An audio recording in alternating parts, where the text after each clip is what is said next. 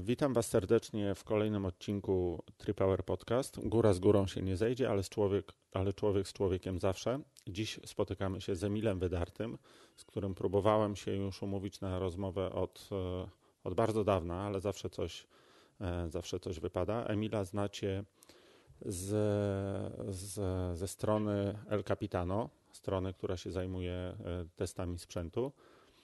Witaj Emil. Cześć, witam. Powiedz mi, skąd się wziął pomysł na El Capitano? Wiesz co, ostatnio próbowałem sobie to przypomnieć. Wydawało mi się, że mój serdeczny kolega Krzysiu Dietrich tak nie nazwał, ale y, Agnieszka, moja małżonka, wykopała w pamięci, że pierwszą osobą, która mnie tak nazwał, był y, Maciek Dorbor. Jakoś sobie tak chłopcy uzdurali, że skoro pracuje na morzu, to kapitan. E, do tego jeszcze trochę brakuje, e, pomimo tego, że kwity są, e, ale jeszcze stanowiska się nie zgadzają. No i jakoś tak wyszło. Później bodaj dwa lata temu, przed zawodami w Chodzieży, może trzy lata temu, powstał taki mem zapraszający na objazd trasy z drużyną El Capitano. No i jakoś tak już zostało. Mhm. A ty na statku, bo, bo, pracujesz na statku, ty jesteś tam nawigatorem, bo zawsze znajdą się osoby, które cię nie znają. Tylko nawigator to się mi zawsze kojarzył z taką, e, z taką rolą, wiesz, związaną z ruchem statku, a ty tak naprawdę pilnujesz, żeby ten statek się w ogóle nie ruszał. Tak. Y, jak zaczynałem studia, jak wybierałem sobie zawód, no to chciałem być, chciałem być takim w cudzysłowie przystojnym panem w, w mundurze z pagonami, z wielką czapką jak radziecki lotniskowiec na głowie.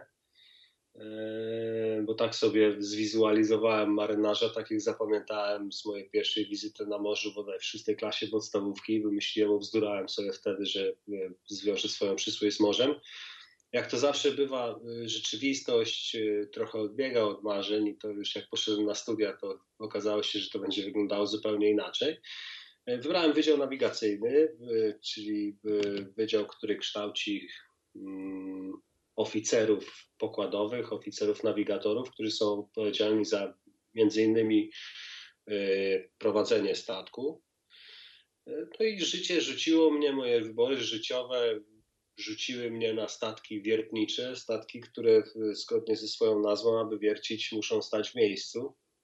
Odpowiedzialne są za to systemy dynamicznej stabilizacji pozycji statku, e, wymagające operatorów, e, którymi są oficerowie nawigatorzy.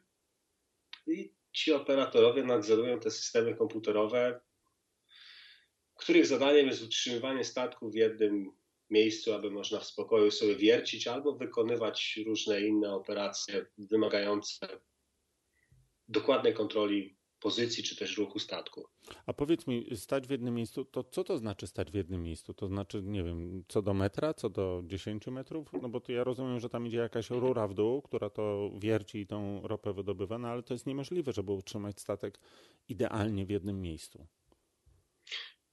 nie ma takiej możliwości, żeby utrzymać go idealnie, ale powiedzmy w założonych granicach yy, mówi się, że nazwijmy to rozdzielczość, dokładność yy, pomiaru yy, pozycji statku, środka obrotu, środka odniesienia statku, to jest dokładność z odpowiednimi poprawkami, rzędu decymetrów i pozycja, którą my zadajemy jest powiedzmy w normalnych warunkach utrzymywana w granicy do 20-30 centymetrów od punktu odniesienia. Niesamowita dokładność. A zdarza się, że zdarzało się, żeby w czasie, nie wiem, takiej burzy zerwać tą rurkę, czy nie? No, sam mam taką historię. Nie powiem, zrobiło mi się bardzo ciepło. E, kiedyś pamiętam niedziela, południe, uderzyły w nas dwa pioruny, a że statek był w miarę nowy i odebrany ze stoczni, to okazało się, że być może przez, no na pewno przez błąd ludzki, nie były odpowiednio wykonane e, zabezpieczenia odgromowe, no i niestety to wyładowanie atmosferyczne, ten ciąg wyładowań atmosferycznych e, spowodował spalenie większości odbiorników systemów nawigacyjnych odbiorników nawigacyjnych systemów satelitarnych, co spowodowało utratę wszelkich systemów referencyjnych. No i niestety straciliśmy, że tak powiem, punkcik, do którego mogliśmy się porównywać, gdzie się znajdujemy. System troszkę zgłupiał, nie wiedział, gdzie jest, co ma robić, jak sterować pracą pędników, aby przeciwdziałać e, wiatrowi, prądowi e, morskiemu i wtedy potrzebny był człowiek, który wiedział, co zrobić, co nacisnąć, jak ten statek stabilizować w miejscu, z jakich innych pomocy korzystać, aby bezpiecznie można się było odłączyć od yy, otworu wiertniczego, zrobić to w sposób kontrolowany, aby nie powtórzyła się sytuacja, jaka miała miejsce yy, kilka lat temu na Zatoce Meksykańskiej przy problemach z dziurą Macondo. Mhm. Brzmi groźnie. Emil, i ty jesteś na takim statku przez miesiąc, prawda? I potem masz miesiąc, yy, kiedy możesz być w domu. Tak to wygląda mniej więcej, taki system zmianowy.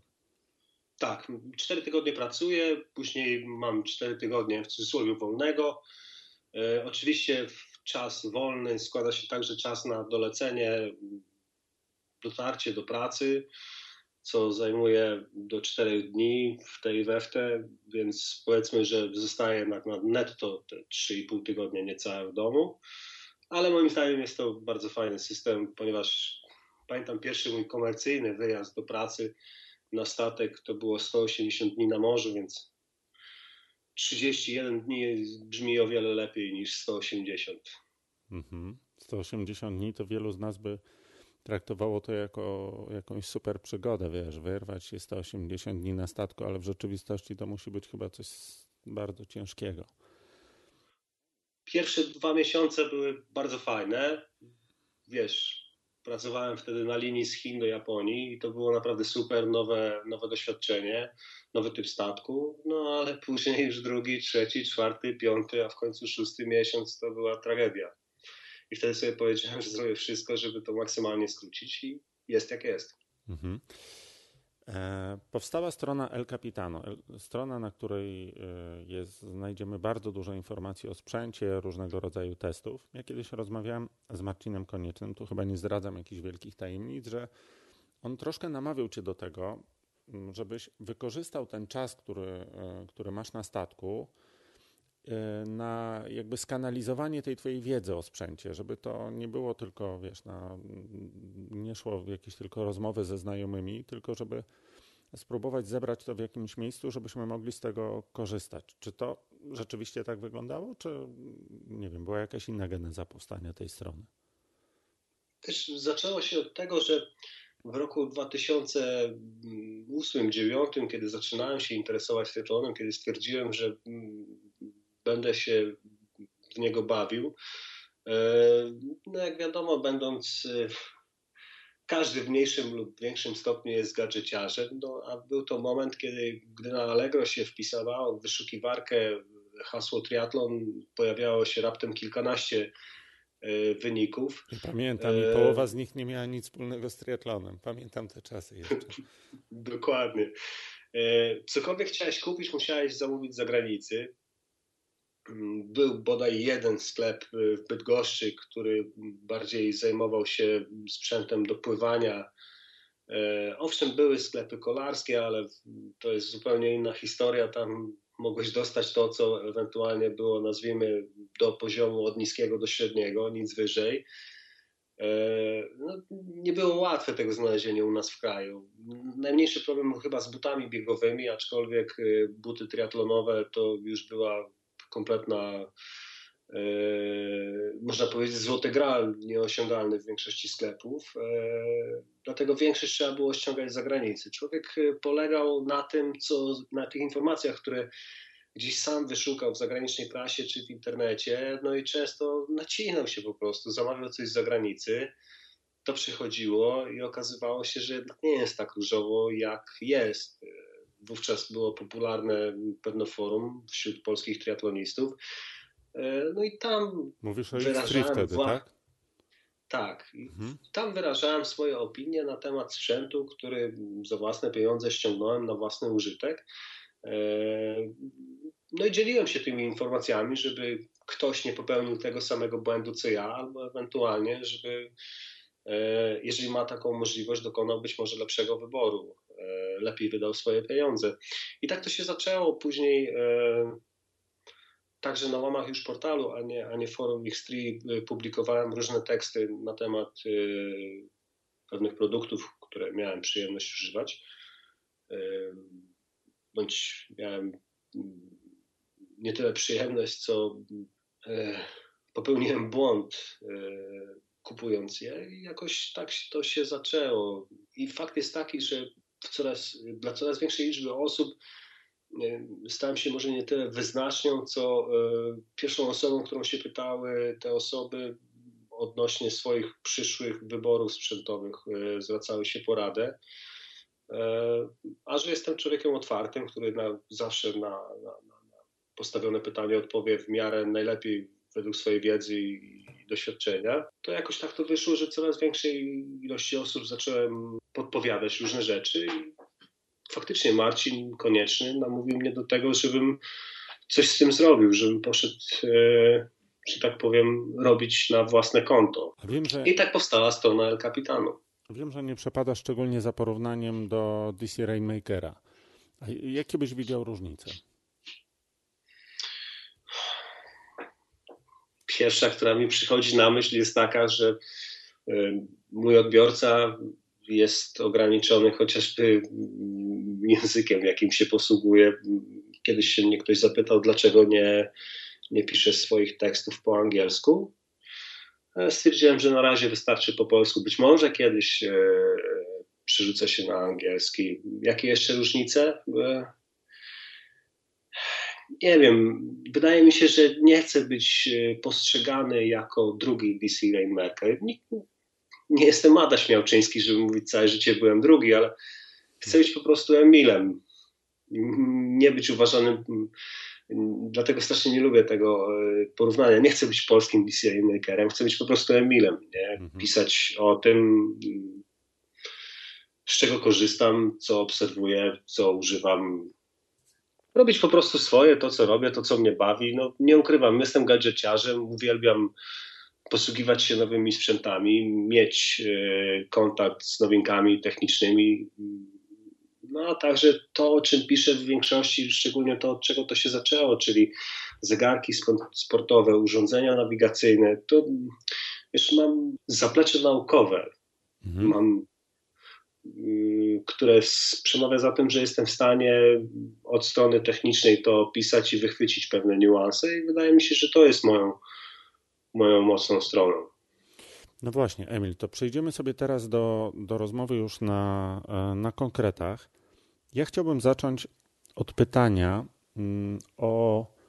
Wiesz, sporo osób u mnie w sklepie pyta się o pomiar tętna z nadgarstka. To jest taka dość modna rzecz w tej chwili i to jest rzecz, która pojawia się w zasadzie w każdym nowym modelu. Polar w nowej 430 e, w, zainstalował to ten pomiar, który stosowali wcześniej w 600, całkiem niezły. E, we wszystkich nowych Garminach już jest jakby z urzędu pomiar tętna z nadgarstka. I jeżeli mielibyśmy wytłumaczyć takiej osobie początkującej, bo doświadczeni już mniej więcej wiedzą, co o tym myśleć, ale te osoby początkujące, które decydują się na zakup zegarka i ten pomiar z nadgarstka jest dla nich jakąś zachętą, to co byś im powiedział? Na chwilę obecną, że inaczej, gdybyś mi zadał to pytanie wczoraj rano, to odpowiedziałbym, że na chwilę obecną nie spotkałem się jeszcze z optycznym czujnikiem tętna, który byłby w stanie w 100% zastąpić y, czujnik tradycyjny, czyli y, tą opaskę y, na klatkę piersiową, ponieważ nie spotkałem się z zegarkiem, z czujnikiem optycznym, który byłby w stanie wychwycić dokładnie, wychwycić dokładny zapis tętna. Zdarzało się, że biegałem z trzema, czterema zegarkami jednocześnie e, rejestrując e, tętno z paska optycznie na dwóch nadgarstkach i nigdy nie spotkałem się z zegarkiem, który w 100% przy każdym treningu realizowanym, niezależnie czy było to długie wybieganie, czy było zimno, czy było ciepło, czy padał deszcz, czy miałem luźną opaskę, mocną opaskę, za mocną opaskę, czy był to trening interwałowy, czy były to biegane rytmy, który by dokładnie e, odwzorował zapis tętna e, z paska na klatce piersiowej. Biegałem z dwoma plaskami na klatce piersiowej dwóch różnych firm transmitujących w dwóch różnych trybach e, i po prostu to się nie zgrywało. Owszem, zdarzały się sytuacje, że na treningu ładnie zostało wszystko zapisane, ale zawsze coś było nie tak. Albo zdarzał się trening, kiedy to kompletnie nie miało sensu. Ale wydaje mi się, że wiesz,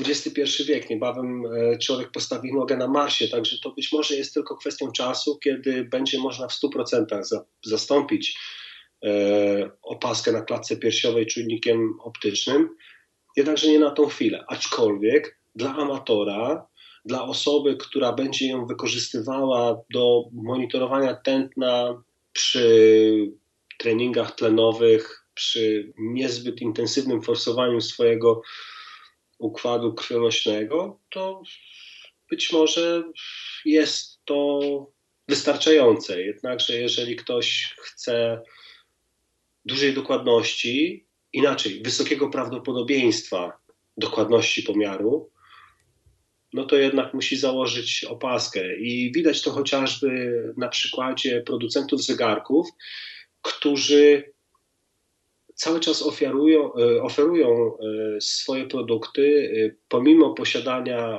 czujników optycznych, oferują je w zestawie z czujnikami klasycznymi w postaci opaski. Mhm.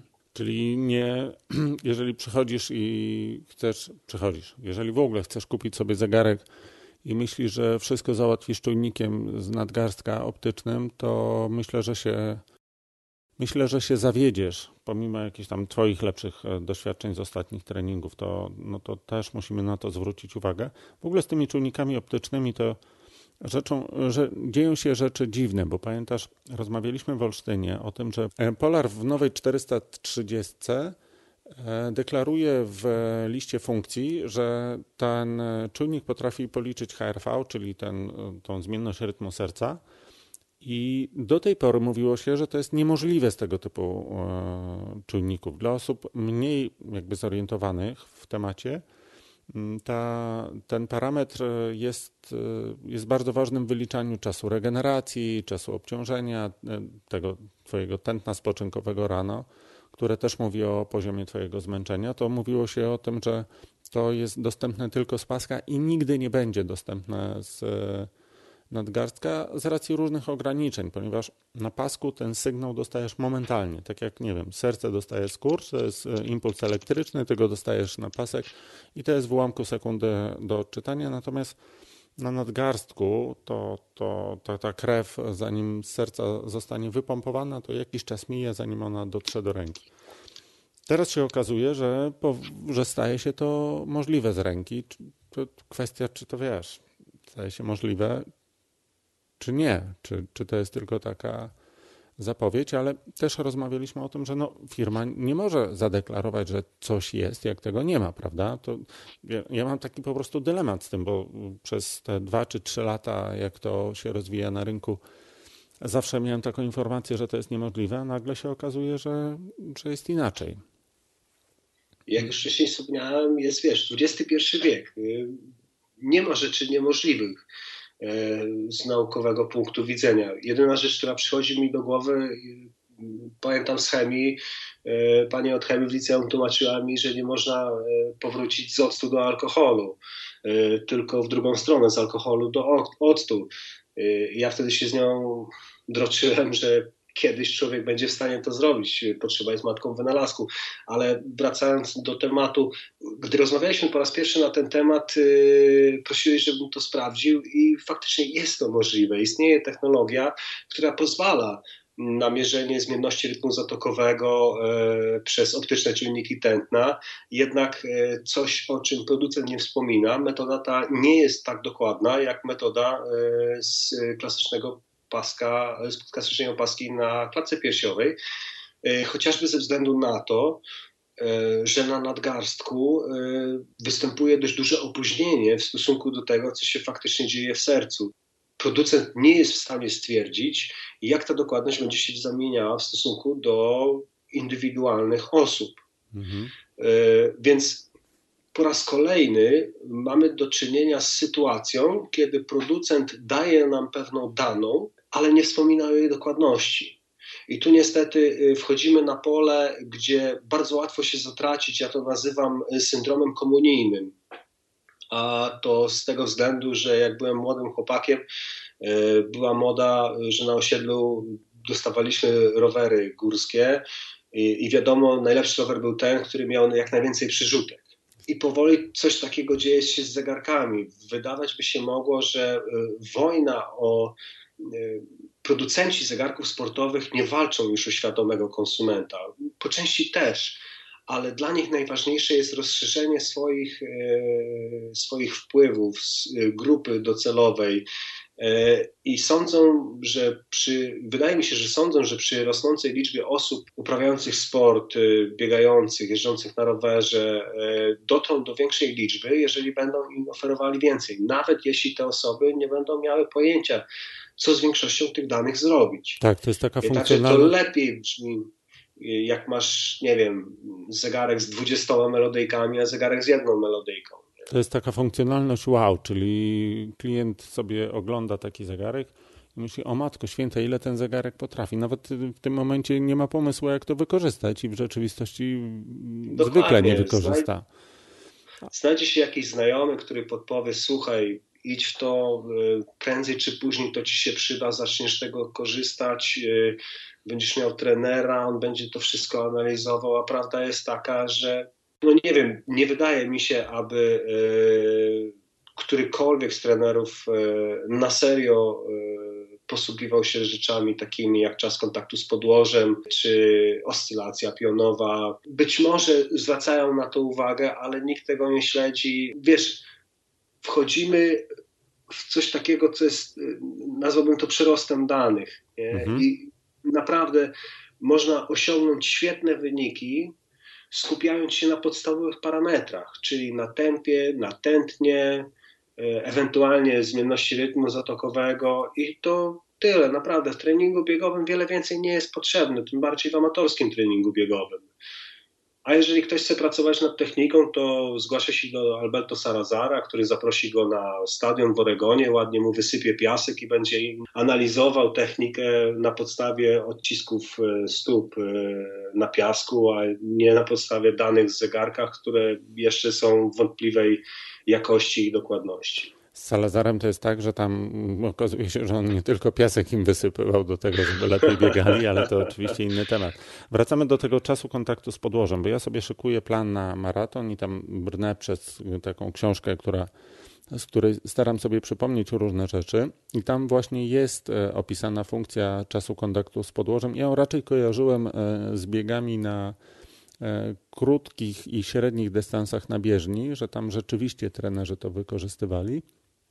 Natomiast e, osoby, które używają Garminów, mogą to również używać w swoim treningu, bo czas kontaktu z podłożem, szczególnie na tych pierwszych kilometrach biegu, on jest dość mocno związany z Twoim poziomem zmęczenia. Czyli jeżeli wiesz, jesteś ujechany, brakuje ci dynamiki e, takiej mięśniowej, no to dość dłużej zajmuje ci wybicie się. Rozmawiałem z Tomkiem Kowalskim, on mówi, że on zwraca uwagę na, na ten parametr e, w, jakimś tam, w jakiejś tam analizie treningu.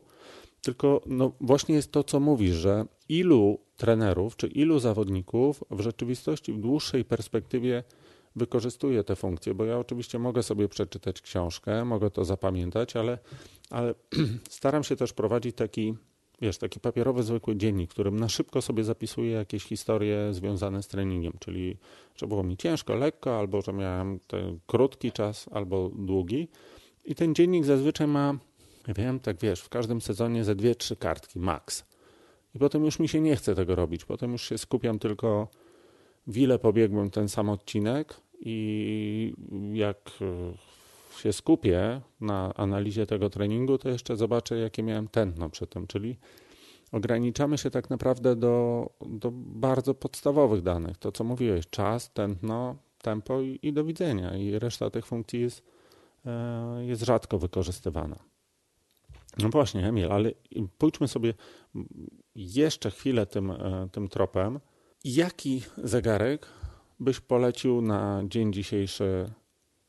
No, rozgraniczmy sobie dwa skrajne segmenty taką, takiego początkującego triatlonistę, czyli bierzemy, wiesz, no, osobę uprawiającą triatlon i taką osobę, która by chciała mieć e, sprzęt, który ogarnie wszystkie jej potrzeby, jakie by jej tylko nie przyszły do głowy. To co byś polecił na dzień dzisiejszy? Gdybym miał szukać rozwiązania, rozwiązania budżetowego, czyli nie chciał wydać za dużo i chciałbym zegarek, który zrobi dosłownie wszystko, może nie tyle wszystko, co inne zegarki oferują, ale który będzie zegarkiem pozwalającym na zmierzenie y, dość dokładne w większości parametrów, jakie mogą być przydatne przy nawet zaawansowanym treningu triatlonowym, to chyba skierowałbym swój wzrok ku używanym Y, modelom zegarka y, Garmin Forerunner 920 XT. Y, sam mam taki zegarek, już przeszło 2,5 roku i ciągle z nim startuję, pomimo tego, że mam nowsze, lepsze zegarki, to cały czas tą 920 startuję, ponieważ jest po pierwsze niezniszczalna, przynajmniej mój egzemplarz. Nie miałem z nią żadnych problemów i uważam, że robi doskonale to, do czego został stworzony. Jest to fenomenalny zegarek triatlonowy, który teraz y, można kupić za w sumie nieduże pieniądze. Tak, bo on teraz e, kosztuje z paskiem jakieś, myślę, że spokojnie można go znaleźć za 1300 zł. Jak dobrze poszukasz, to podejrzewam bez paska. Może ktoś ma pasek y, w domu albo kupi pasek y, sieci handlowej, bo już coraz jest to powszechniejsze i dostępniejsze to taki zegarek możesz kupić e, na dwuletniej gwarancji za mniej niż 1000 zł. Mhm. E, co uważam, że no dobra, niektórzy może, mogą powiedzieć, że to jest cały czas drogo, jednak ja uważam, że jest to cena rozsądna. Gdy te zegarki wchodziły do sprzedaży pod koniec 2014 roku, to bodaj kosztowały 1999 zł. Tak, prawie 2000. Bez, bez, bez paska ale to jest zegarek kompletny. To jest zegarek, który jeżeli stosujemy się do pewnych założeń i mamy, nazwijmy to, poprawną technikę, to jest w stanie nam idealnie zapisać e, trening na basenie. Podczas treningu kolarskiego możemy z powodzeniem z niego korzystać. Zresztą sam podczas kolarskich etapów e, na triatlonach e, nie korzystam z dedykowanego licznika kolarskiego, tylko E, z 920 i cztery pola są dla mnie w zupełności wystarczające, a gdy potrzebuję więcej, to po prostu przełączam się na drugą stronę. No a w treningu biegowym, tak jak powiedziałem, dla mnie, dla mnie podczas biegu, podczas triatlonu liczy się tylko i wyłącznie czas, dystans i tempo, nic więcej. Nawet na tętno nie patrzę, bo może jeszcze jak to jest dłuższe, powiedzmy połówka, to jeszcze zwracam uwagę na to tempo, ale na krótszych dystansach to tempo się czuje. Mhm. Wiesz, co a... musisz zrobić, żeby skończyć na określonym miejscu. A powiedz mi, a w takim razie, skoro 920 jest takim zegarkiem kompletnym, to widzisz usprawiedliwienie dla nowych Feniksów, które podchodzą pod 3000 albo nawet przekraczają trójkę? Ja już bodaj Ci to kiedyś mówiłem. Według mnie jest to sądowanie górnej granicy. E, wiesz, ten rynek cały czas rośnie. Owszem, one są warte znacznie mniej ale to jest tak, że jeżeli możesz sobie pozwolić jako producent, masz e, może nie tyle monopol, co lwią część rynku, e, to możesz sobie pozwolić na sądowanie górnej granicy.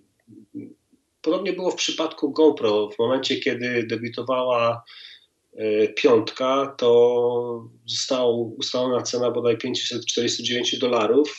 Parę dni później wyszły kamery Sony i Garmin i nagle się okazało, że ta cena bez problemu spadła o 50 dolarów, gdzie i tak dobrze wiemy, że producent na tym nie tracił.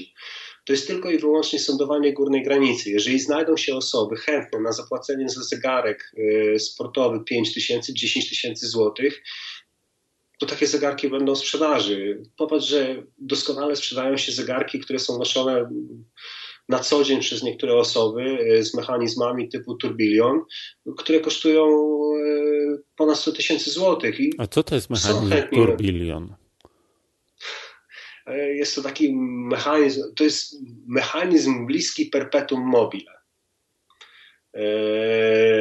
Czyli nie je, nie pije, a chodzi i żyje, który jest wykonany z tysięcy mikroelementów, naprawdę malusieńkich, wykonany strasznie precyzyjnie, który ma niesamowitą dokładność chodu. Może nie taką jak zegarki atomowe, ale jest po prostu dziełem sztuki. Jest dziełem prawie tak sztuki. tak dokładny jak e, byle zegarek na GPS-ie. Tak, jest prawie tak dokładny no. jak byle zegarek na GPS-ie, ale ma nazwijmy to określone grono swoich e, są w stanie zapłacić nawet kilkaset tysięcy złotych za zegarek, który wcale nie jest złoty, nie jest wykonany ze złota, szczerego złota, e, a ma taki mechanizm. Sam kiedyś miałem przyjemność założyć taki zegarek z takim mechanizmem na rękę, ale jednak tak dziwnie się czułem, mając e, wtedy przeszło 300 tysięcy złotych na nadgarstku. Było gdzie zwiać z nim? No nie, był tak obstawiony sklep w Singapurze, że nie było szans, nie? Ale hmm. takie doświadczenie, no, wiesz, sprawdzić, zobaczyć, jak się chociaż z nie swoim tak poczujesz. Hmm, fajnie. A powiedz, e, to widzisz jakieś uzasadnienie dla, dla tych nowych, bardzo drogich Garminów w sensie ich funkcjonalności, czyli czy jest mimo wszystko w nich jakaś nowa funkcjonalność nad tymi, no na dzień dzisiejszy, nad tymi 920, czy nawet troszeczkę już Fenixami trójkami, bo one, one też już e, można e, dostać je w całkiem niezłych cenach, czyli jest jakiś powód, poza przyjemnością posiadania, żeby te, kupić te nowe, a nie, nie te starsze modele? E, wiesz, zacznijmy od tego, jedna rzecz, która mi w nich przeszkadza, to jest ten e, przymus posiadania czujnika optycznego. Jest mi, zdziwiony jestem tym, że użytkownikowi nie pozostawia się wyboru, e, mhm. czy to chce, czy nie. W ogóle, tak jak kiedyś rozmawialiśmy, ideałem zegarka byłby zegarek, kiedy ty kupujesz produkt, który jest potencjalnie kompletny, a w zależności od Twoich upodobań masz możliwość aktywowania bądź deaktywowania funkcji, z których Ty zamierzasz korzystać. Oczywiście odpłatnie. Zegarek na abonament. Tak, kupowałbyś platformę bazową, która byłaby w stanie wykonać wszystko, co tylko zechcesz. E, oczywiście w ramach, nazwijmy to, zegarka sportowego, i ty wybierałbyś, co chciałbyś kupić. Tylko z drugiej strony zastanawiam się, jakby to się wpisywało Y, wpisywało w marketing firmy, w ich, w ich, w ich sprzedaż, w ich plany sprzedażowe. Być może zmniejszyłoby to ich przychody i może to nie jest droga, którą chcą y, iść, ale niewykluczone, że pojawią się firmy, które dzięki mm, finansowaniu społecznościowemu pójdą w tę stronę. Mm, nie wiem, być może, ale to, co w tych najnowszych zegarkach, e, szczególnie w zegarku e, Fenix 5X, którego jestem posiadaczem od dwóch miesięcy, do mnie przemawia, jest e, możliwość korzystania z map topograficznych. Sam w zeszły weekend byłem w Tatrach. Owszem, każdy może sobie powiedzieć, mam smartfona, każdy z nas ma już praktycznie smartfona. W Stanach zwykło się mówić, że jeżeli nie masz smartfona, tylko masz telefon z klapką, to znaczy się, że jesteś gangsterem, bo to jest jednorazówka, bo hmm. wszyscy mają smartfony. I idziesz w takie góry i po co ci mapa topograficzna, skoro wszystko masz w telefonie, tylko i wyłącznie pod warunkiem, jeśli masz zasięg. A co jeśli pojedziesz w miejsce, gdzie tego zasięgu nie ma? Jeżeli nie masz e, e, telefonu w plusie, no to w Tatrach możesz mieć problem w niektórych miejscach z zasięgiem i, i wówczas przydaje się E, przydają się mapy topograficzne, szczególnie jeśli lubisz chodzić po, po, po, po szlakach, których nawet być może nie znasz albo znasz, a dokładnie nie pamiętasz, a chcesz mieć mapę pod ręką, nie klasyczną, na zegarku, no to ja uważam, że w moim przypadku, gdzie, gdzie, gdzie wiem, że z takich opcji korzystam, to jest to faktycznie przydatne. I to jest właściwie główny powód, dla którego wyposażyłem się w Fenixa 5X. E, natomiast w stosunku do modelu 3HR, czyli tym zbudowanym temp, mm, czujnikiem tętna optycznym, no to oprócz e, tych dodatkowych e, map topograficznych i, i kilku mniej ważnych funkcji, no to jeszcze dochodzi nam nowy system łatwiejszy wymiany pasków i to właściwie tyle. I połowa ceny. i połowa ceny. No to jest niestety coś, tak jak już mówiłem wcześniej, sądujemy górną granicę. Jeżeli znajdą się chętni na te zegarki, a z tego co widzę, to raczej problemów ze sprzedażą nie ma, chętni cały czas są, to nie wydaje mi się, żeby przykładowo Phoenix 6 nie pobił e, kolejnej granicy. Mhm. A powiedz mi jeszcze króciutko, jak widzisz miejsce Polara w tej chwili? No bo 800 e, to był zegarek, który się pojawił chyba przed 920, z tego co pamiętam. Jeżeli się nie mylę, to był sierpień 2014. I wydaje mi się, że na dzień dzisiejszy jest jednak trochę za 920, którą Garmin zdaje się będzie przestawał produkować e, w maju tego roku. Oczywiście to nie znaczy, że ten zegarek zniknie ze sklepów albo że on przestanie y, mieć jakiekolwiek wsparcie z Garmina, ale to pokazuje, że jeden model pojawił się później i już wychodzi z produkcji, a drugi wciąż jest na rynku. Mm, chyba pora na ruch jakiś e, Polara, no bo wiesz, to, to też jest wśród takich osób, z którymi ja mam kontakt, to, no to jest taka polaryzacja właśnie między Polarem a między Garminem, bo z innymi zegarkami nieszczególnie mam do, do czynienia. No i tam mamy tą 400, która nie do końca nadaje się do triatlonu, bo nie obsłuży pływania, ale jest bardzo tania. No i 800, która ma być konkurencją do 920. Czy uważasz, że na dzień dzisiejszy 800 jest jeszcze konkurencją dla 920?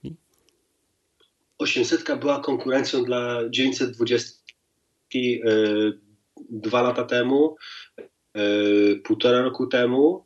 E, jednakże już w momencie startu, czyli debiutu 920 była delikatnie z tyłu. E, z moich pierwszych wrażeń, ja sam e, swego czasu byłem użytkownikiem V800, e, nieco gorzej radził sobie, na początku w ogóle sobie nie radził, bo nie miał takiej możliwości, dopiero później zostało to wprowadzone z treningiem basenowym, następnie z treningiem w wodach otwartych.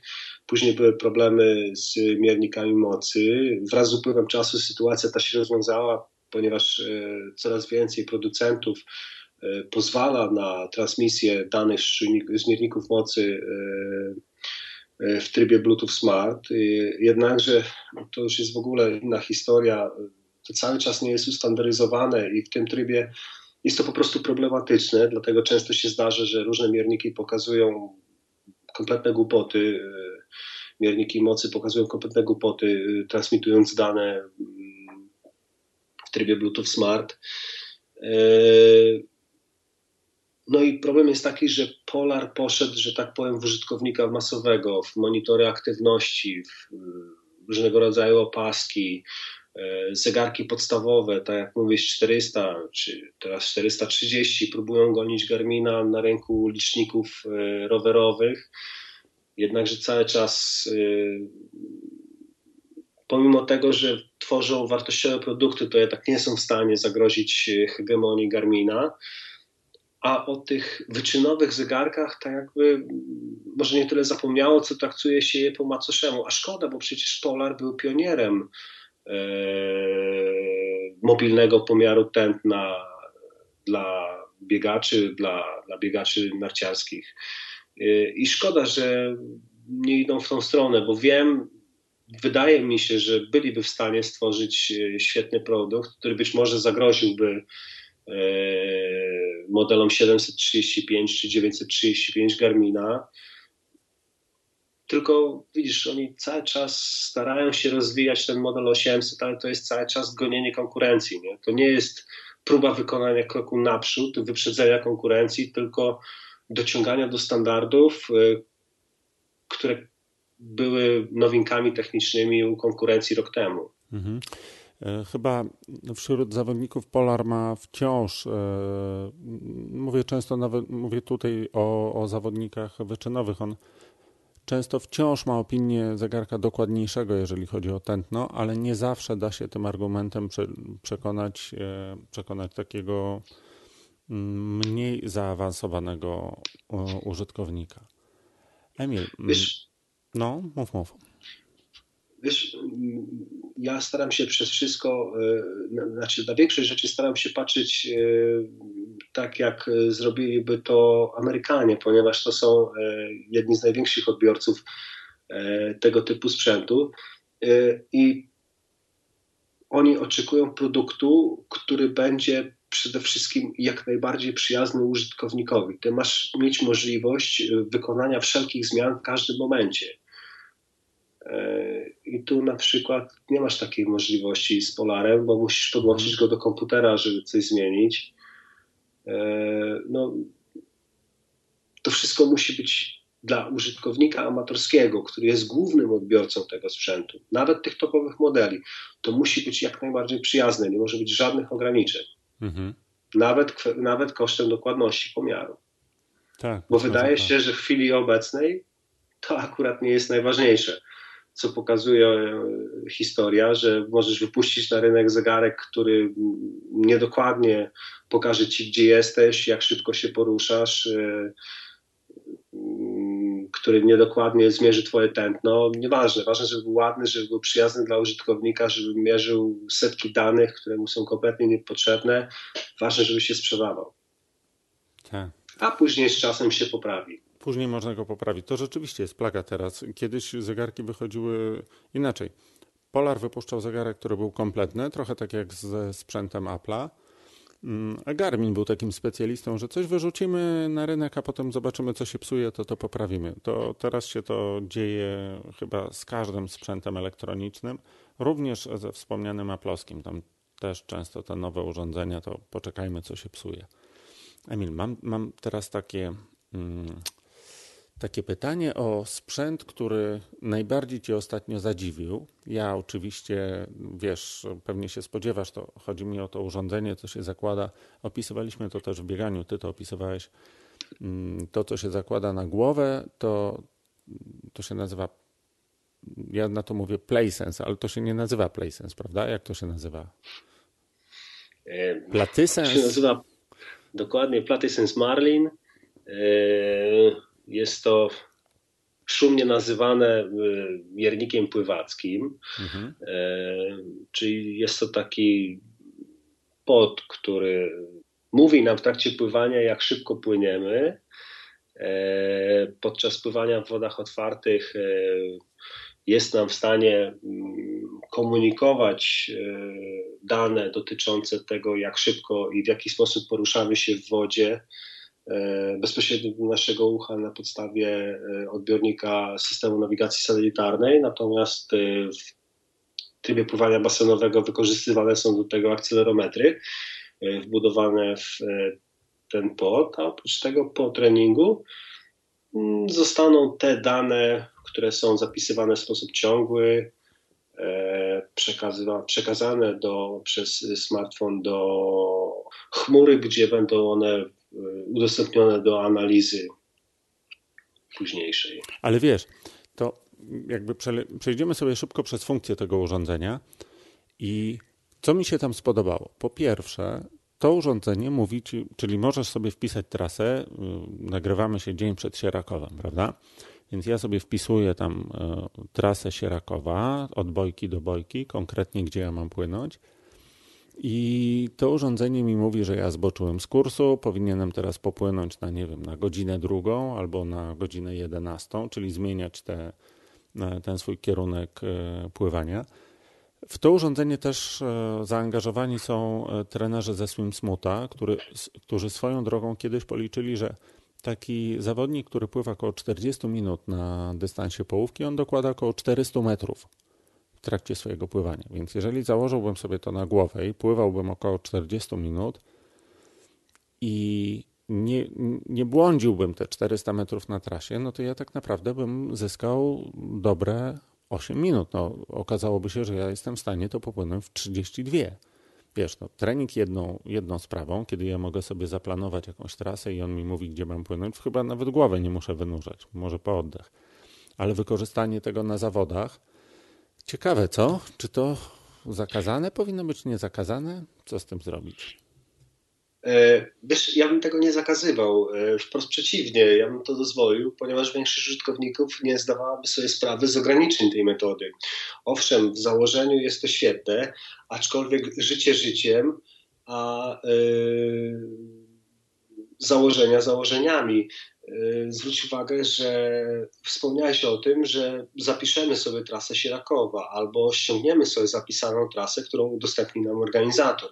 Jednakże konia z rzędem organizatorowi, y, który z określoną dokładnością umieści bojki w założonych punktach.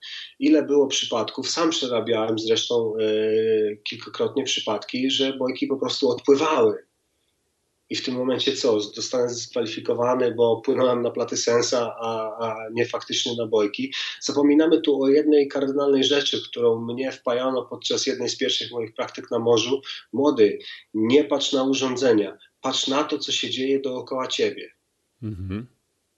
Nie możesz zrobić czegoś takiego, że y, jak taki koń w zaprzęgu, będziesz miał klapki na oczach i patrzył tylko i wyłącznie, tak jak to się mówi na statku, patrzysz w radar, patrzysz w mapę elektroniczną, patrzysz w GPS-a, a nie patrzysz na to, co się dzieje dookoła ciebie. Nie patrzysz, czy są statki, czy masz statek po lewej, po prawej, a być może on jest w sektorze martwym radaru i na radarze go nie zobaczysz, skręcisz w prawo i się w niego y, y, wbijesz. No, wiesz, nie można tak robić, że zawierzyć w 100% urządzeniom e, elektronicznym. Poza tym e, bez żadnych poprawek y, te urządzenia no, nie są zbyt dokładne. Y, wiesz, no inaczej, y, nie wiesz w jakim układzie odniesienia została stworzona mapa, na podstawie której organizator będzie rozkładał bojki, czy rozłoży je dokładnie, czy nie. I ty tylko powiesz temu urządzeniu, pokażesz mu punkcik, który jest jakimś punkcikiem. Nie wiemy nawet na jakiej mapie, w jakim układzie odniesienia. To może się różnić o kilkanaście, kilkadziesiąt metrów i nagle okaże się, że ty płyniesz w punkt, który teoretycznie na mapie jest tym punktem, gdzie jest bojka, a od rzeczywistej bojki jesteś powiedzmy 50 metrów. To może lepiej płynąć za grupą. Wiesz, ja w takiej sytuacji powiedziałbym sobie, że chyba lepiej z brzegu stwierdzić, w które miejsce mam płynąć, albo po nawrocie zlokalizować drugą bojkę i szukać gdzieś na plaży jakiegoś miejsca, które będzie punktem odniesienia. Dlatego te akurat funkcje w założeniu są świetne, które będą mi pomagały nawigować na wodach otwartych, ale tylko i wyłącznie w założeniu. Muszę mieć z tyłu głowy, że być może to nie jest tak, jak to urządzenie mi mówi. Wystarczy, że system satelitarny będzie miał gorszy dzień, wystarczy, że będzie jakiś wybuch na Słońcu, e, co zresztą zdarza się bardzo często, że będzie trochę większa aktywność jonosferyczna, e, albo po prostu e, konstelacja satelitów na niebie będzie dość niekorzysta i będzie większa niedokładność tej pozycji i nagle się okaże, że ja płynę w przysłowiowe krzaki, a nie na bojkę, ale płynę tak, jak mi mówi urządzenie. Dlatego ja bym akurat tą funkcją się nie podniecał. No to psujesz mi Dla przyjemność mnie... startu, bo ja już się widziałem, wiesz, tak jak tam jest pokazane na reklamówce. Przepraszam. Masz, masz 50 metrów do bojki, za 50 metrów skręcasz w prawo, bo to rzeczywiście tak jest, to jest takie prowadzenie jak, jak w nawigacji. Ale widzisz, dochodzimy do tego, o czym często mówimy. Dałeś się złapać na y, piękne założenia marketingowe. Jeszcze nie dałem, bo to chyba nie jest w sprzedaży jeszcze, nie? Jakoś tak ma być lada chwila, czy Cały czas pod... czekamy. Ja sam na to czekam, bo wiem, że ja, ja, ja, ja, widzę w tym ogromny potencjał, w tym urządzeniu. Może nie w tą stronę, o której mówiłeś, e, ale widzisz, łatwo jest coś zareklamować, łatwo jest pokazać to, co on może robić, ale z punktu widzenia marketingowego producent nie może pozwolić sobie na to, żeby mówić o ograniczeniach. I znajdzie się wiele osób, które pomyślą tak, jak ty pomyślałeś. To jest świetne urządzenie. Ono pozwoli mi, pozwoli mi w sumie za nic urwać dziesiątki minut. Bo tak, za, mną, za mną wiedzieć... by pływały takie ławice, bo by wiedzieli, o, Żywek, to on, on to ma, wiesz, ściągę, jak tu popłynąć. On płynie zawsze po prostej linii płyniemy za hubem, bo hub, bo hub jest kierowany. Tak. No nie, to niestety tak nie działa. A wiesz, nie każdy jest w stanie sobie y, teoretycznie odpowiedzieć y, na właśnie zweryfikować to, co mu się, co mu się prezentuje. Dobra, ale Tylko posłuchaj. Przyjmujemy to tak, jak jest. Posłuchaj, no to mamy tą funkcjonalność wód otwartych, ale zgodzisz się ze mną, że na basenie to szykuje się tutaj rewolucja, moim zdaniem, bo, bo to jest też urządzenie, które na basenie tam możesz wpisać trening sobie do tego urządzenia wcześniej, czyli niech to będzie 5 razy 400 plus tam 1000 rozpływania plus coś, prawda? i to urządzenie ci mówi start. Teraz leci 400 metrów w tempie, nie wiem, powiedzmy 2 minuty na 100 metrów, prawda? Odbijasz się od brzegu i on ci mówi wtedy zwolnij, płyniesz za szybko, czyli trzymasz sobie tempo, prawda? Cały trening jesteś tutaj kierowany. No i tak jak mówiliśmy wcześniej, maczają w tym palce e, ludzie ze Swim Smuta. I jakby przyszłość urządzenia tego jest też taka, że mm, to może być taka końcówka trenerska na Twojej głowie, czyli masz trenera, który Cię prowadzi, tak jak Ty mm, działasz ze swoim trenerem, prawda, z Marcinem i on Ci rozpisuje trening i wtedy wrzucałby Ci taki trening w to urządzenie, które byś sobie zakładał na głowę, realizowałbyś je tak, jak on Ci to rozpisał, w takich tempach, jak on Ci rozpisał, bo miałbyś coś na głowie, co by Cię cały czas pilnowało, żebyś to zrobił E, żebyś to zrobił dobrze. Nie musisz wtedy teoretycznie, no bo to wiadomo, że mówimy tylko o teorii, ale nie musisz wtedy uczestniczyć e, w zajęciach, których trener jest na basenie. Możesz mieszkać, nie wiem, w Warszawie, Ciechanowie, Nowym Targu, gdziekolwiek i zrobić dokładnie rozpisany trening. I tutaj rzeczywiście funkcjonalność tego wydaje mi się, że, no, że jest to jakiś przełom. Znowu znajdziesz jakieś te minusy? ja pamiętam, jak opisywałem dla ciebie, testowałem e, Forerunnera 920 w grudniu 2014 roku, to właśnie takie możliwości widziałem w platformie Connect IQ, którą wówczas zapowiadał Garmin. Wydawało mi się, że 920 będzie jednostką, która dzięki budowanym e, przyspieszeniomierzom będzie w stanie monitorować ruch ręki pod wodą. I wydawało mi się, że znajdzie się firma, która stworzy taką aplikację, e, która na to pozwoli. Jednakże minęło 2,5 roku i nikt nie poszedł w tą stronę. E, pojawił się PlatySense i ja w nim zaczynam upatrywać taką, takie urządzenie, które być może pozwoli na to, aby dokładnie z, zrobić to, o czym mówisz. Czyli abym ja miał cały czas ze sobą, e, może nie tyle trenera, co urządzenie, które będzie w stanie na podstawie algorytmów, które świetnie ma rozpracowane SwimSmooth, e, e, wzorców stylów pływackich, które będzie w stanie mi powiedzieć, przykład, przykładowo będzie mi mówić, abym e, będzie korygować pracę moich rąk. Gdybym takie pody miał założone na dwóch dłoniach e, i system ten byłby w stanie monitorować w czasie rzeczywistym ruch na podstawie przyspieszeniomierzy, ruch moich dłoni, e, byłby w stanie to korygować. Uważam, że to byłoby świetne urządzenie, które pozwoliłoby znacznej liczbie osób, dla których treningi indywidualne z e, instruktorami pływania czy trenerami pływania e, są poza zasięgiem, nawet za określoną opłatą, gdyby to był, nie wiem, jakiś abonament na usługi Swim Smooth oferowane przez, przez urządzenie Marlin firmy PlatySense, e, no, byłoby to coś, coś wielkiego moim zdaniem. Mhm.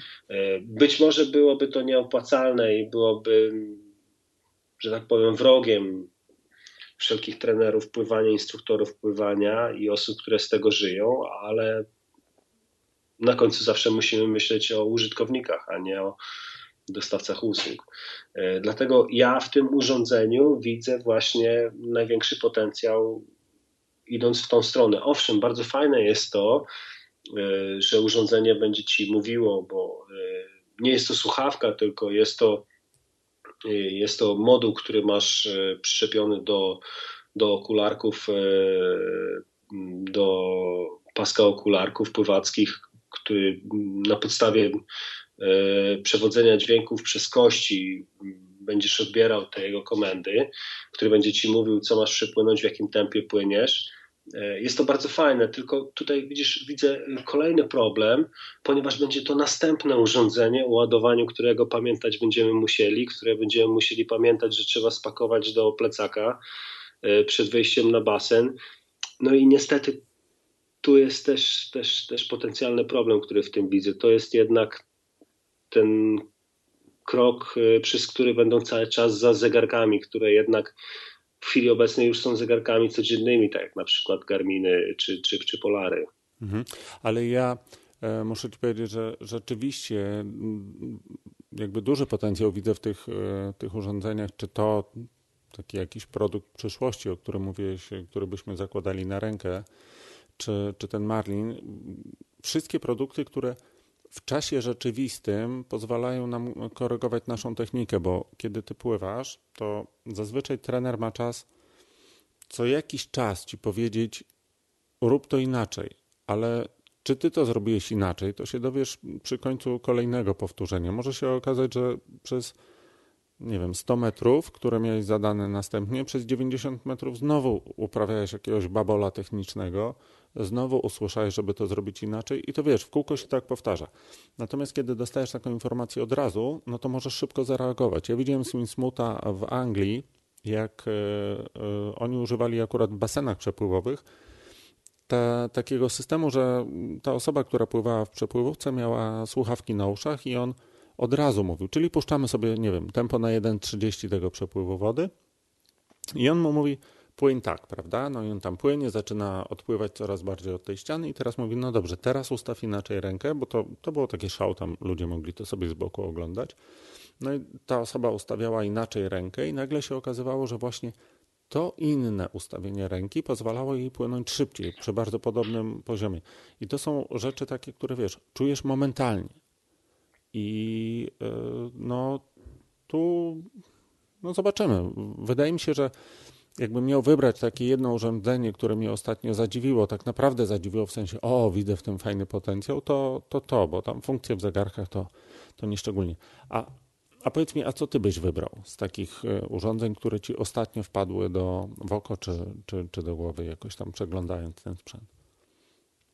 Wiesz, mnie ostatnio w oko wpadło takie urządzenie, y, które nazwałbym automatyczną oliwiarką łańcucha kolarskiego. E, nie jest to nic nowego, ponieważ e, rozwiązanie to jest stosowane w motocyklach już od kilku lat i są firmy, które się w tym specjalizują. Natomiast e, w zeszłym roku bodaj powstało takie urządzenie, które jest dostosowane do rowerów wyścigowych, szosowych czy czasowych rowerów wyścigowych. E, I nawet korzystają e, z niego zawodnicy grupy kolarskiej australijskiej Oriki. Hmm, myślałem, Także... że Sky, bo ze wszystkiego na świecie chyba korzysta Sky. Nie, okazuje się, że Sky nie korzysta z wszystkiego. E, nie wiem, być może firma ta, pomimo tego, że podaje angielska, to, to wybrała Orikę, albo że to e, Sky się nie chciał w to wchodzić. Sky nie mieściło się to już na rowerze. Może nie mieściło się na rowerze, bo w budżecie na pewno by się jeszcze zmieściło. E, producent deklaruje i nawet prezentuje pewne wykresy, jednakże wykresy te jak to w większości takich przypadków bywa, pięknie się ogląda, jednakże jak zacznie się oglądać je dość dokładniej, to widzi się, że brakuje w nich pewnych danych albo dane te są delikatnie rozmyte, żeby ładnie się to prezentowało i sprzedawało. Jednakże jakiś sens i logika w tym jest, no bo nie da się zaprzeczyć, że wraz z upływem czasu i nie mówimy tu o tygodniach, miesiącach, dniach, tylko mówimy o e, godzinach, a nawet i minutach, e, w szczególności od e, panujących warunków atmosferycznych. Ilość materiału smarującego na łańcuchu się zmniejsza. Łańcuch staje się też bardziej brudny, a przez co rosną Mm, opory pomiędzy kolejnymi ogniwami, rosną straty generowane przez nas mocy. No i jest to, że tak powiem, kolejne miejsce, gdzie można szukać pewnych zysków. E, producent twierdzi, że przy wykorzystaniu jego urządzenia możemy zaoszczędzić 12 watów. Jednakże ja jestem coraz bardziej e, sceptycznie nastawiony do tych deklaracji ponieważ jakby tak to dobrze zsumować, to patrząc na mój rower, e, przy generowanych 300 e, kilkudziesięciu powinienem już grubo ponad 400 e, mieć na wyjściu przy wykorzystaniu wszystkich urządzeń i rozwiązań, które mam, a jednak tego do końca nie widzę. No nie wiem. Ale, na pewno coś to daje. Ale masz Tyle. rację. Ja, ja już wcześniej spotykałem się z takimi informacjami, że czy właśnie w łańcuchu są duże straty. No bo wiesz, jak zaczynasz tą swoją opowieść, to myślę, że takie e, mniej takie osoby mniej wczytujące się w te wszystkie niuanse techniczne, jak słuchały ciebie o tej oliwiarce do łańcucha, mówię, co ten facet gada w ogóle, jakie, jakie straty na łańcuchu, o czym on opowiada, lemontka, tam bidon aero, ale jaki łańcuch, ale, ale rzeczywiście parę razy spotkałem się z takimi wyliczeniami, które E, które mówiło o takich dość dużych watach, bo 12 to jest dużo. To, to nie ma się co oszukiwać. To już to są okolice kół z wysokim stożkiem, tak naprawdę. A to podobno ma się kryć gdzieś w łańcuchu. Emil, a powiedz mi jeszcze, czy ty, czy ty w ogóle jesteś e, fanem właśnie tych e, drobiazgów rowerowych typu ceramiczne kółka i tam wiesz, samosmarujący się łańcuch, czy, czy tak z przymrożeniem oka na to patrzysz? Bo ja kiedyś e, brnąłem przez, jak wiesz, no, każdy w pewnym momencie zaczyna myśleć o ceramice, prawda? Ja sobie brnąłem przez, przez takie fora, które zaprowadziły mnie gdzieś na jakieś fora bardziej mechaniczne niż sportowe i tam było i tam było to w bardzo prosty sposób wyjaśnione, że w rowerze, w którym ta siła nacisku, ona nie idzie tylko w jednym kierunku, tylko w kilku, bo my bujamy rowerem, łożysko, mega precyzyjne łożysko ceramiczne się po prostu nie sprawdza. To jak to w końcu jest? Czy ty sobie przez to brnąłeś jakoś kiedyś, czy, czy nie? Bo, jeszcze, jeszcze dodam tylko, że tu przykładem mogą być na przykład koła zipa. Przykładem na przykład. E, weźmiesz sobie koło zipa i pobujasz nim na boki, to ono wydaje się, że jakby miało luz, prawda? I dopiero, jakby też sama firma to opisuje, że dopiero jak na tym kole przysiądziesz i te wszystkie łożyska jakby osiądą sobie na, e, na tych tam rynnach, które mają, e, no to to koło dopiero wtedy zaczyna działać. Jak staniesz w pedały i zaczniesz, wiesz, mocniej naciskać i te siły idą nie tylko góra-dół, ale również na boki, Mm, to to, to to łożysko cały czas pracuje płynnie. Natomiast e, te mega precyzyjne łożyska ceramiczne, jak zaczniesz tym bujać na boki, to one zaczynają, kulki zaczynają trzeć o te boki, bo one po prostu nie są przystosowane do takiego ruchu. One świetnie by działały, nie wiem, w śmigle samolotowym, prawda, ale nie w rowerze, który się bardziej buja. To co ty, co ty myślisz o tym? Wiesz, ja na ten temat y, dość często myślę, sięgam do książek, które tutaj nade mną sobie dumnie stoją na półce, a mam ich tu trochę z fizyki i z mechaniki, bo przez e, lata nauki się zgromadziły, a że kończyłem dwie uczelnie techniczne, to się tego trochę nagromadziło i często się na ten temat zastanawiam. E, jednakże są takie proste przykłady, które zaobserwowałem, bo jak, oczywiście jak większość osób, pomimo tego, że wówczas się nad tym zbytnio nie zastanawiałem, dałem się złapać na, na ten cały ceramiczny hype, jednakże y, wystarczy i po części jestem do niego przekonany. Wystarczy zobaczyć, jak kręcą się, jak kręci się napęd. Zakręcisz korbą i ona obróci się 20 parę razy, pomimo tego, że jest połączona łańcuchem z y, przerzutką i z kasetą. Y, I ona będzie się kręciła i kręciła i kręciła, więc widać, że na sucho, w cudzysłowie, te straty są o wiele mniejsze niż w przypadku takiego rozwiązania bez ceramiki. E, podczas mojego ostatniego wyścigu w Republice Południowej Afryki w bardzo bolesny sposób e, odczułem, jak to jest, kiedy te łożyska są, że tak powiem, mm, coraz bardziej zanieczyszczone. W pewnym momencie nie jesteś w stanie zakręcić korbą. W momencie, kiedy to jest robi się coraz bardziej brudne, coraz mniej szczelne. Łożyska mm, ceramiczne w teorii e, kręcą się trochę lepiej, w zależności od tego jeszcze, jak to wszystko jest wykonane, bo powiedzenie, że coś ma łożysko ceramiczne, to nie do końca może znaczyć, że będzie lepsze niż łożysko, które jest wykonane, kulka, kulki, które są wykonane ze stali. E, to wszystko też zależy z jaką dokładnością one są wykonane, jak dobrze są wykonane bieżnie. To jest bardzo skomplikowany proces, jednakże te wiodące firmy e, tworzą bardzo dobre produkty i jeżeli będziesz miał możliwość kiedyś zobaczyć rower, który ma takie coś zainstalowane e, i zakręcić tym na sucho, to zobaczysz, że to kręci się o wiele lżej te straty są o wiele mniejsze. Poza tym, wiesz, gdybyśmy startowali w wyścigach pod górę, gdzie cały czas tańczylibyśmy niczym Alberto Contador na rowerze, to być może potwierdzałoby się to, co mówisz. Jednakże spójrz, że większość, e, większość czasu, który spędzamy na rowerze, jednak jedziemy w miarę jednostajnie. E, nie mujamy nim zbytnio na boki. E, tak, szczególnie w triatlonie. To masz rację. Mhm. Ale, szczególnie w triatlonie. Ale muszę właśnie, a propos tego, co mówisz, że tych kół tak lekko się kręcących, no właśnie, jak już sobie dotarłem do tych mechanicznych historii, no to tam, tam zwracali uwagę na to, że E, że to właśnie potrafi być złudne, bo to, jak to koło się kręci na, e, wiesz, nie wiem, na centrownicy albo na rowerze, to nie jest tak naprawdę ważne. Ważne jest, jak to koło będzie się kręciło pod obciążeniem, bo ono będzie jechało pod obciążeniem i wtedy, i wtedy może być inaczej.